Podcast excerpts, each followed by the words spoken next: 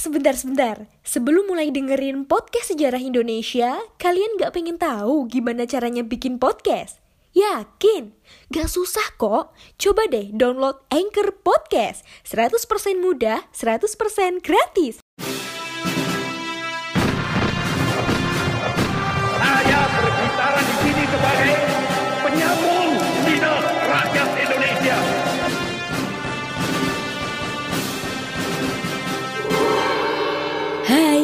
Kalian sedang mendengarkan Poseidon, podcast sejarah Indonesia.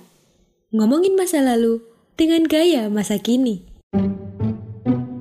Assalamualaikum warahmatullahi wabarakatuh. Salam sejahtera untuk kita semua. Salam sejarah, saya Taufik dan kalian masih mendengarkan podcast Sejarah Indonesia. Podcast yang bikin kalian gagal move on apa kabar kalian? Semoga tetap sehat dan tanpa kurang suatu apa pun gitu ya. Dan jangan lupa juga selalu melaksanakan protokol kesehatan jika kalian uh, melaksanakan aktivitas-aktivitas baik di rumah maupun di luar rumah. 3M selalu jadi pegangan yaitu mencuci tangan, memakai masker dan juga menjaga jarak. Baiklah, kita akan masuk ke dalam bahasan kita. Kali ini kita akan masuk ke dalam bahasan yang mungkin familiar bagi kita, tapi dengarkan sejenak. Atashi no namae wa Taufik desu. Atashi wa rekishi ga daisuki desu. Mungkin kalian familiar dengan bahasa itu. Benar sekali, karena bahasa itu adalah bahasa dari negaranya Doraemon atau Jepang.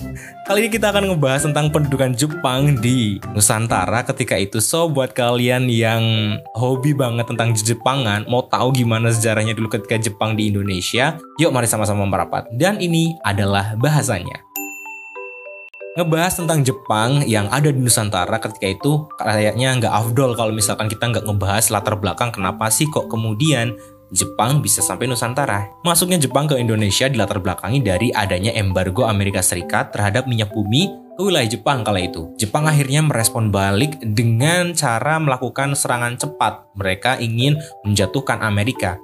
Padahal ketika itu Amerika masih belum sama sekali uh, memilih blok sekutu ataupun blok sentral dan dia memilih abstain ketika itu tapi kemudian bagi Jepang, Amerika tidak pro terhadapnya. Pada tanggal 7 Desember 1941, terjadi peristiwa besar. Pada saat itu, kekuatan armada tempur Jepang dikerahkan yaitu 6 kapal induk, 2 kapal perang, 11 kapal perusak, dan 1.400 pesawat tempur. Dikirim ke mana? Dikirim ke pangkalan militer Amerika Serikat di Pearl Harbor di Kepulauan Hawaii. Sejumlah 2.402 orang Amerika tewas dan 1.283 lainnya luka-luka. Namun ketika itu tiga kapal induk Amerika selamat karena pada saat itu tidak berada di Pearl Harbor. Jadi kapal induk yang semestinya membawa uh, bala bantuan terus kemudian di sana bisa mengangkut jet dan yang lainnya itu ternyata tidak di Pearl Harbor. Jadi mereka selamat kayak gitu. Nah kalau misalnya kalian mau tahu gambarnya seperti apa silahkan tonton aja filmnya dengan judul yang sama Pearl Harbor kalau nggak salah. Itu bagaimana kemudian para tentara Amerika lari tunggang langkang menyelamatkan diri mereka dan kemudian mereka uh, sebenarnya mereka bersiap untuk melakukan counter attack ya serangan balik ketika itu. Tapi kemudian serangannya datang di pagi buta mereka belum siap-siap benar-benar mereka masih tidur ya udah walhasil mereka kalah telak. Aksi Jepang ini merupakan sebuah gerakan invasi kala itu yaitu gerakan aksi militer yang kemudian dengan cepat merambah ke kawasan Asia Tenggara sehingga di bulan Januari sampai Februari tahun 1942 Jepang menduduki Filipina, Pontianak, Balikpapan, Palembang, Tarakan di Kalimantan Timur, dan Samarinda. Kemudian beberapa minggu setelahnya Jepang berhasil mendarat di Pulau Jawa, tepatnya di Teluk Banten di tanggal 1 Maret 1942 Kemudian juga di Jawa Timur, letaknya di Keragan, dan terakhir di Eretan di Jawa Barat. Setelah empat hari kemudian, lalu Jepang sampailah di kota Batavia. Batavia jatuh ke tangan Jepang, tepatnya di tanggal 5 Maret 1942. Setelah Jepang berhasil menguasai beberapa wilayah tersebut, akhirnya tanggal 8 Maret 1942, Belanda secara resmi menyerah kepada Jepang. Lalu kita masuk lebih dalam lagi ke bahasan mengenai propaganda-propaganda yang dimunculkan oleh Jepang ketika datang ke Nusantara, datang ke Indonesia.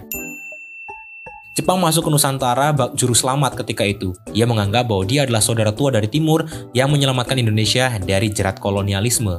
Jepang menggaungkan uh, sebuah propagandanya dengan sebutan 3A. Jepang pelindung Asia, Jepang Cahaya Asia, dan Jepang Pemimpin Asia. Hal itu juga Jepang memutarkan film-film propaganda yang berisi mengenai kekejaman kolonialisme bangsa barat. yang sejatinya dilakukan untuk apa ya? Ya kayak menarik simpati warga masyarakat Indonesia aja ketika itu. Dan benar saja ketika uh, semakin Jepang uh, mengenal orang Indonesia dan orang Indonesia juga semakin mengenal Jepang, akhirnya orang-orang Indonesia ini juga tahu sebenarnya maksud dan tujuan datangnya Jepang ke Nusantara adalah ada udang di balik bakwan. Ada udang di balik batu bahwa kemudian Jepang masuk ke Indonesia adalah ingin memobilisasi masyarakat Indonesia ketika itu untuk masuk ke dalam angkatan perang militer Jepang untuk apa? Untuk membantunya dalam perang Asia Timur Raya. Terus gimana dong? Gimana respon masyarakat Indonesia ketika itu? Beragam sebenarnya. Nah, di sini sebelum masuk ke gimana responnya, yang jelas ketika Jepang masuk ke Indonesia, mereka punya PR banyak banget nih. Paling tidak ada empat hal yang kemudian menjadi salah satu PR yang harus diselesaikan oleh Jepang sepeninggal Belanda di Nusantara. Yang pertama ini Jepang ketika itu uh, ingin menyapu bersih pasukan-pasukan Belanda, tapi ada beberapa pasukan-pasukan Belanda yang tetap uh, dipekerjakan untuk apa? Untuk uh, karena kan Belanda uh, udah lama nih di Nusantara, tentaranya udah lama di sini. Maka kemudian Jepang itu paling tidak punya orang yang ngerti banget tentang uh, Indonesia atau tentang wilayah Nusantara ketika. Jadi sebagian masih dipekerjakan untuk Jepang.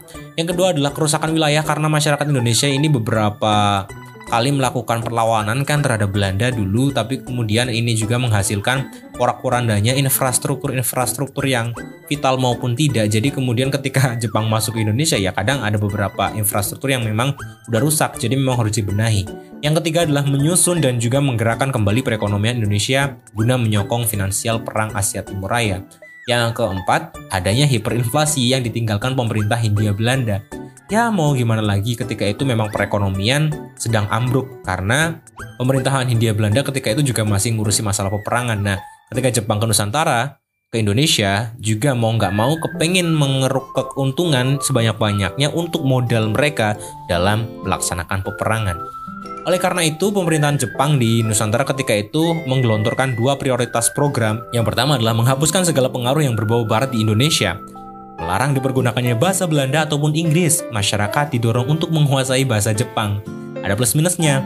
Plusnya, mereka bisa belajar bahasa baru. Tapi minusnya di sana ternyata adalah program ini gagal. Gagalnya kenapa? Karena orang Indonesia lebih memilih pakai bahasa mereka sendiri. Karena susah mungkin ya untuk memulai bahasa kembali. Karena memang dulu kan udah terbiasa dengan bahasa Belanda. Terus kemudian dimulai lagi dengan bahasa yang baru, bahasa Jepang. Yang mana mungkin bahasa Jepang agak lebih sulit karena memang letternya atau hurufnya itu kan berbeda dengan letter alfabet yang seperti biasa kita temukan. Yang kedua adalah memobilisasi masyarakat Indonesia dalam mendukung Jepang dalam Perang Asia Timur Raya ketika itu. Maka tidak heran nanti ketika pembahasan mengenai Jepangan atau Jepang-Jepang ini di Nusantara, maka yang ditemukan itu banyaknya organisasi-organisasi semi militer maupun militer di Nusantara. Organisasi militer ini tidak uh, akan terbentuk jika Jepang tidak me, apa ya menarik hati dari tokoh-tokoh besar di Nusantara ketika itu di Indonesia. Uh, sebut saja seperti Syahrir, Sultan Syahrir, ada Hatta, terus kemudian ada Soekarno. Ketiga orang ini yang kemudian didekati oleh Jepang agar mereka mau bergabung. Pemimpinnya gabung, otomatis masyarakatnya ikut gabung. Tapi kemudian Syahrir lebih memilih jalan luar pemerintahan. Ia lebih memilih untuk melakukan gerakan bawah tanah bersama uh, para anggota Partai Nasional Indonesia. Sedangkan Hatta dan juga Soekarno mereka bergabung dengan Jepang dengan tujuan yang uh, hampir sama sebenarnya. Tapi kemudian Hatta dan Soekarno itu lebih memilih kayak menjadi kolaborator, menjadi sosok uh, teman dulu lah. Karena apa? Karena mereka beranggapan bahwa sudahlah harusnya tidak ada lagi tindakan-tindakan represif, tidak ada lagi tindakan-tindakan kekerasan yang dialamatkan uh, kepada masyarakat Indonesia ketika itu. Jadi Soekarno dan Hatta itu nggak mau ada lagi uh, istilahnya kayak hmm, penyiksaan ataupun kemudian uh, intimidasi dan yang lainnya terhadap bangsa Indonesia ketika itu masyarakat Indonesia. Karena sekali lagi Jepang itu masuk ke Nusantara juga nantinya akan memberikan sebuah uh, kemerdekaan. Janjinya sih gitu modelnya ya. Oke, sampai sini kita nafas dulu ya. Sebelum jauh ke dalam, kita dengerin dulu History Flash.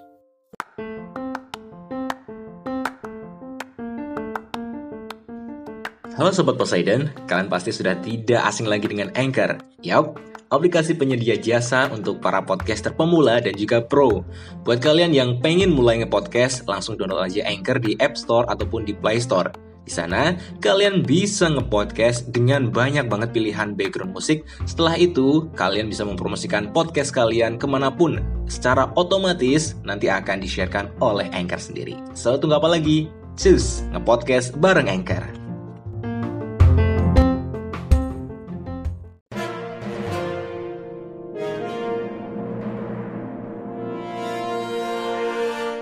Teman-teman, saatnya kita masuk di segmen History Flash. Bung Hatta adalah sosok yang totalitas. Ia sempat berjanji tidak akan menikah sebelum Indonesia merdeka. Saat menikahi Rahmi pada November 1945, Bung Hatta menjadikan buku dengan judul Alam Pikiran Yunani, karyanya sebagai mas kawin. Kalian pasti tahu kan Candi Borobudur? Gubernur Jenderal Inggris di Jawa, Sir Thomas Stamford Raffles menemukan Candi Borobudur pada 1814. Cerita ini dia tuliskan pada sebuah buku berjudul The History of Java atau Sejarah Pulau Jawa. Demikian History Flash, kita ketemu di episode berikutnya.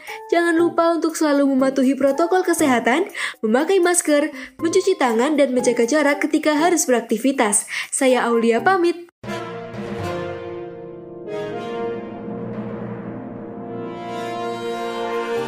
Oke, lanjut. Di sini kemudian kedatangan Jepang di Nusantara sebenarnya bukan tanpa perlawanan. Perlawanan setempat muncul di beberapa daerah seperti Kalimantan Barat, Aceh, hingga Tasikmalaya. Jadi kita sudah mulai masuk ke pembahasan tentang gimana sih respon masyarakat Indonesia terhadap Jepang. Tadi ada berbagai perlawanan. Namun demikian perlawanan tersebut berhasil ditumpas. Para tokoh terkemuka di Indonesia kala itu memang dipandang tidak mau melawan. Namun demikian bagi tokoh seperti Soekarno dan Hatta mereka lebih memilih jalan damai karena bagi mereka tidak ingin lagi melihat masyarakat Indonesia mengalami kekerasan. Jepang baru berhasil memobilisasi masyarakat Indonesia di tahun 1943 dengan mendirikan organisasi-organisasi militer maupun semi militer. Yang pertama ada Seinendan. Seinendan ini adalah korps semi militer. Korps ini dibentuk dengan sasaran adalah para pemuda yang berusia 14 sampai 22 tahun. Yang Selanjutnya ada Keibodan, Korps Kewaspadaan atau Pertahanan Masyarakat selanjutnya. Ini kemudian di dalamnya berisi polisi, pemadam kebakaran, dan lain-lain. Yang ketiga, di bulan April tahun 1943 juga dibentuk pasukan pembantu Angkatan Darat dan Angkatan Laut yang bernama Heiho. Lalu keempat di sini ada Putra atau Pusat Tenaga Rakyat. Ini kemudian di bidang uh, politiknya, bagaimana kemudian organisasi politik juga didirikan oleh Jepang. Adalah organisasi yang bergerak di bidang politik. Posisinya menggantikan gerakan 3A kala itu. Putra bertujuan untuk membujuk kaum nasionalis dan kaum intelektual untuk mengabdikan pikiran serta tenaganya untuk kepentingan Jepang kala itu. Untuk apa lagi kalau enggak melawan sekutu? Untuk apa lagi kalau tidak untuk peperangan uh, Asia Timur Raya ketika itu. Tokoh-tokoh seperti Hatta, Soekarno, dan Ki Hajar Dewantara ketika itu ikut bergabung. Namun dikarenakan tujuannya dirasa kurang pas dengan cita-cita bangsa Indonesia, Ki Hajar Dewantara akhirnya lebih memilih mundur. Ia kembali dan juga lebih fokus ke dalam uh, taman siswanya. Yang selanjutnya nomor 5 adalah pembela tanah air atau PETA. Peta ini dibentuk di tahun 1943 di bulan Oktober. Organisasi ini adalah organisasi militer dengan mobilisasi pemuda yang bersifat sukarela uh, yang mana kemudian ketika ditranslatekan ke dalam bahasa Jepang berarti gyugun atau sukarela tadi. Karena sifatnya sukarela ini kemudian tentara peta dapat mencapai 37.000 orang di Jawa dan 20.000 orang di Sumatera. Semuanya mendapatkan pelatihan keras dan juga ketat ala Jepang.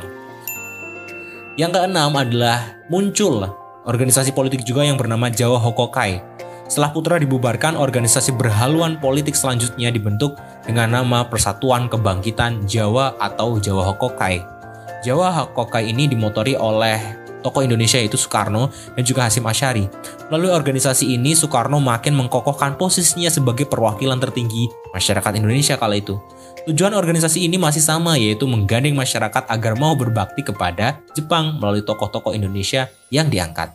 Lalu kemudian ketika itu saya ingin menggambarkan bagaimana keadaan sosial yang ada pada masa zaman pendudukan Jepang.